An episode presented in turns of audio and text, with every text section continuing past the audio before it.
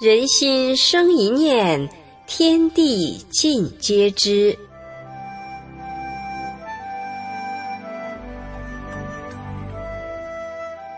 听众朋友您好，欢迎收听明慧广播《善恶一念间》节目。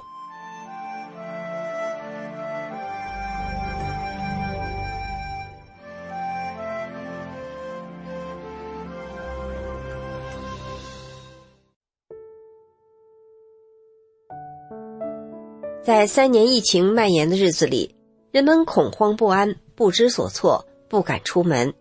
一段时间内，中国大陆城市、农村的大街小巷几乎看不到人，马路上也没有了来往的车辆。从电话、微信视频中听到、看到，人们相互的问候都是：“你阳过了吗？留后遗症了吗？”有百分之九十以上的人染上了新冠病毒。然而，在这场铺天盖地的疫情中，我们家却有十二人没有染疫。我们兄妹和家人，还有已过百岁的老母亲。那么，究竟是怎么回事呢？下面我就来说一说其中的奥秘。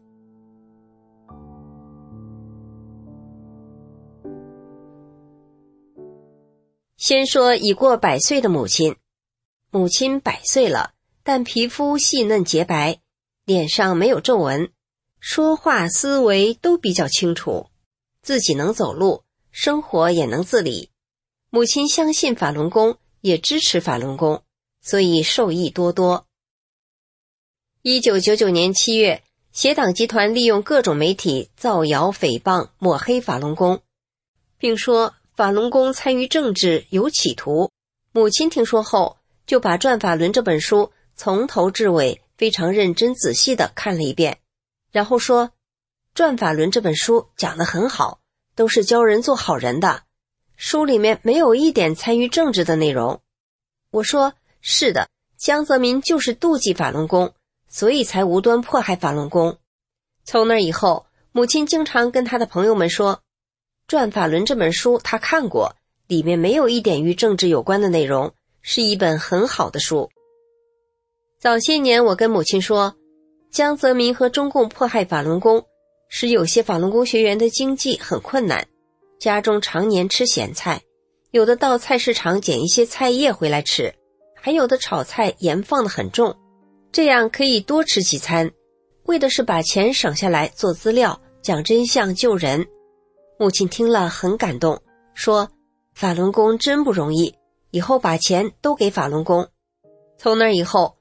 母亲就拿钱资助学员讲真相，后来还欣然同意当地学员在家里开法会。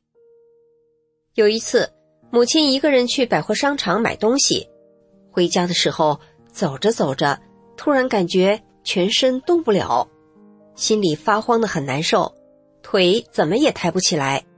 母亲顺着路边的石阶坐下，想搭车，又是在十字路口上，没有车站。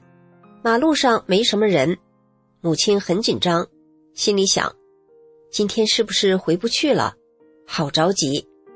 这时忽然想起我经常告诉他的救命九字真言，赶紧在心里不停的念：“法轮大法好，真善人好；法轮大法好，真善人好。”念着念着，感觉身体轻松了，心里不难受了，胳膊腿也能动了。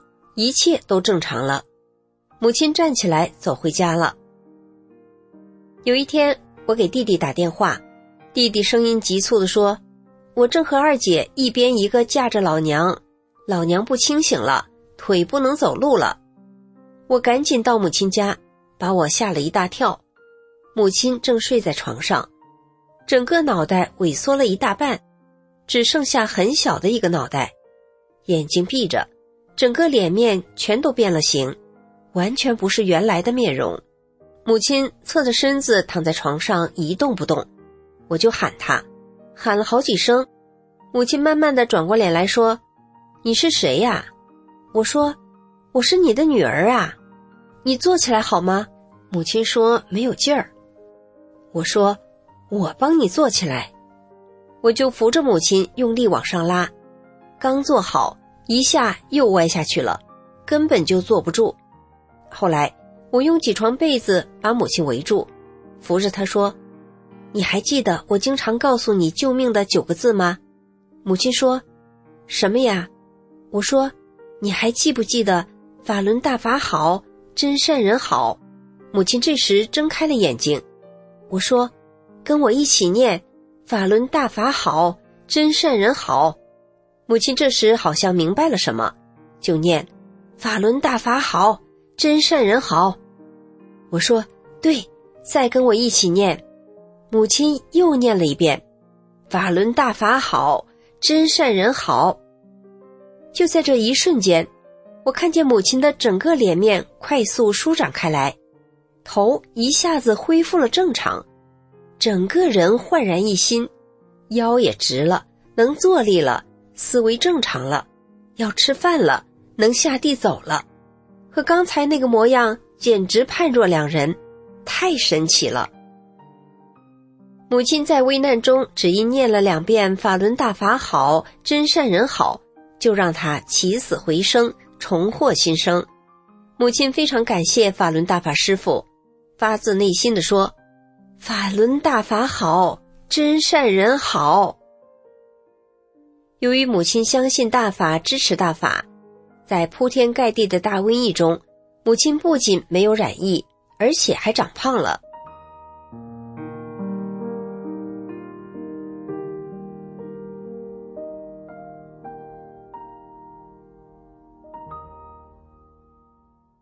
再说说我和家人，我是一九九六年开始修炼法轮功的，在修炼之前得了一种要命的疾病。送到医院抢救，性命是保住了，可是却留下了后遗症，高血压、心脏病、眼底动脉硬化等。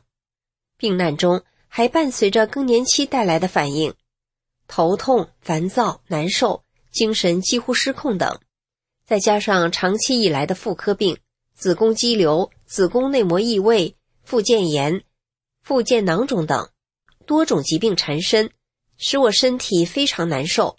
精神也十分痛苦，自己曾经四处求医治疗也毫无效果，生命在病魔中苦苦挣扎，心灰意冷，看不到希望，感觉是在活受罪，甚至都不想活了。就在人生绝望的时候，我有幸有福得到了千古难遇、万载难逢的法轮大法，生命从此焕然一新，犹如枯木逢春。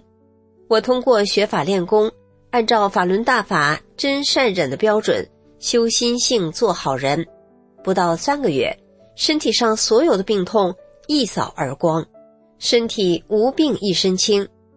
修炼二十七年来，从来没有吃过一粒药，没打过一支针，在这场疫情中没有染疫。我修炼法轮功后，丈夫看到我身体的变化，从不反对我修炼。以前我家是学法典，同修来学法，他总是提前把房间打扫得干干净净，对同修很热情。他还总说要同修来我家学法。我家学法点坚持了十几年，丈夫做了三退，平时总是提醒我发正念的时间到了，有时还协助我做救人的事。他在这场瘟疫中也没有染疫。女儿看过大法的书。知道法轮功是教人做好人的，后来长大参加工作结婚了。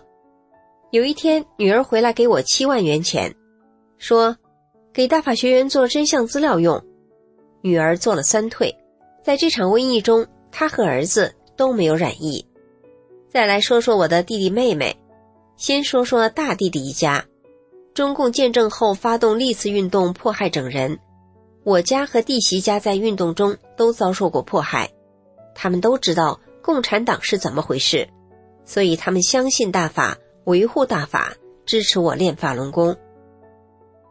有一天，我给大弟打电话，听到大弟接电话的声音很缓慢，感觉到他非常痛苦难受。我问出了什么事，他说他媳妇胃疼，医院检查胃部有一个肿块，医生说不太好。可能不是良性的，要切片化验再确诊治疗。大弟说完，我马上告诉他，不要害怕，赶快念我平时经常说的，遇到危险时就念的‘法轮大法好，真善人好’，这救命的九字真言。你们从现在开始念，你念，你媳妇也念，诚心诚意的念，不会有事的。”弟弟一下清醒了，说：“好，好，好，我们念。”过了几天，我给大地打电话，电话刚一通，传来了大地非常兴奋的声音：“姐，化验结果出来了，是良性的，问题不大。医生说摘除后休息几天就可以出院了。”弟弟和弟媳非常开心。有时我和大地见面，他就告诉我，往哪些地方发真相资料既安全，别人又能接到。弟弟和弟媳还帮我保护大法叔。他俩都做了三退，在这场瘟疫中，他们两人都没有染疫。大弟弟的女儿、女婿和外孙女都明白大法真相，做了三退。在这场瘟疫中，他们三人身处疫情严重的大城市，却都没有染疫。二弟在单位因工作性质接触人多，在中共迫害法轮功之后，他在单位经常讲：“我姐姐是练法轮功的。”以前姐姐身体有病，确实是练法轮功练好的。我母亲有法轮大法保护，身体好。单位的许多人都相信他说的话。二弟有时看到我做讲真相救人的事，叮嘱我说：“姐，你小心一点，注意不要让别人发现了。”二弟也做了三退，在这场疫情中没有染疫。妹妹是个有善心的人。在我遭受迫害后，参与营救，并在经济上资助我。有一次，妹妹跟我说，她和几个朋友一起吃饭，在餐桌上聊到了法轮功。妹妹说：“我姐姐练法轮功，她的人品人格，你们在座的哪个能比得上？你们没有一个人能比得上。”朋友们连声说：“是的，是的，你姐姐是个好人。”国外很多人都在练法轮功，只有中共不让练。妹妹的几个朋友都佩服法轮功，有一个朋友说，他家里请的保姆就是练法轮功的，还说练法轮功的人可以完全放心，他们不偷不拿，做事认真，可以把家里的钥匙交给他们。后来妹妹几次托我帮她请法轮功学员做家政，妹妹相信法轮功，做了三退，在疫情中没有染疫。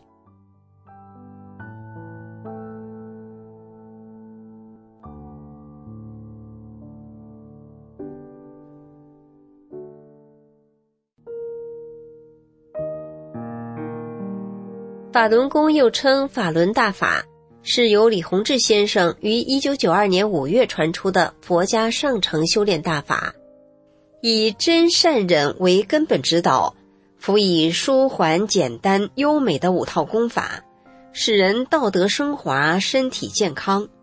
法轮大法已红传世界一百多个国家，获各国各界褒奖、支持议案和支持信函五千多项。法轮大法的主要著作《转法轮》被翻译成四十多种文字，在全球传播，受到世界人民的喜爱和欢迎。真心希望，尤其在中国的大陆民众，多多了解法轮功真相，明辨善恶，从而能平安的度过人类的这场大劫难，走向美好的未来。